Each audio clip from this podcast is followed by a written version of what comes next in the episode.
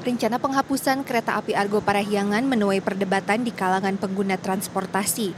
Wacana ini dilontarkan Menteri Koordinator Bidang Kemaritiman dan Investasi Luhut Binsar Panjaitan yang menyebut kereta Argo Parahyangan akan dihapus setelah beroperasinya kereta cepat Jakarta-Bandung.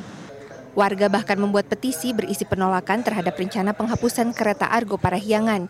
Hingga 9 Januari, petisi ini sudah ditandatangani lebih dari 6.000 orang. Sebagian warga menilai langkah penghapusan kereta Argo Parahyangan tidak tepat karena membatasi pilihan transportasi nyaman dan murah. Seperti Ivan misalnya, sebagai salah satu pekerja yang harus bolak-balik Jakarta-Bandung, ia mengaku keberatan jika Argo Parahyangan dihapus karena akan menyulitkan aktivitasnya. Pertama, kalau dari segi saya domisili di Tangsel tentu akan lebih enak kalau dari Gambir ya, sedangkan kereta cepat itu akan dari Halim ya dari Halim. Kedua, eh, kereta cepat juga hanya akan sampai pada Larang sedangkan Argo kan sudah sampai di tengah kota Bandung dan saya hanya 15-20 menit lah naik sepeda dari stasiun Bandung ke tempat bekerja begitu. Jadi kalau dihapuskan mungkin jangan serta merta begitu ya berikan orang kesempatan untuk beradaptasi dulu mungkin cari uh, strategi muda yang lain dan sebagainya begitu. Pro dan kontra juga diutarakan warga lainnya. Kalau aku sih kurang setuju ya, soalnya kan orang-orang tuh nggak apa sih nggak banyak uang semuanya ya kayak gitu. Jadi kan kalau ada kalau kereta itu dihapus nanti kayak orang yang lansia kayak gitu kayak bingung kayak gitu. Yang udah nyaman ke kereta KAI jadi kereta listrik kayak ada perubahannya bener-bener gratis kayak gitu. Jadi kayak kurang setuju aja. Setuju-setuju aja sih kak karena kalau keefisienan waktu ya kak. Soalnya kan aku kerja juga gitu. Bolak balik kadang kita harus on time juga.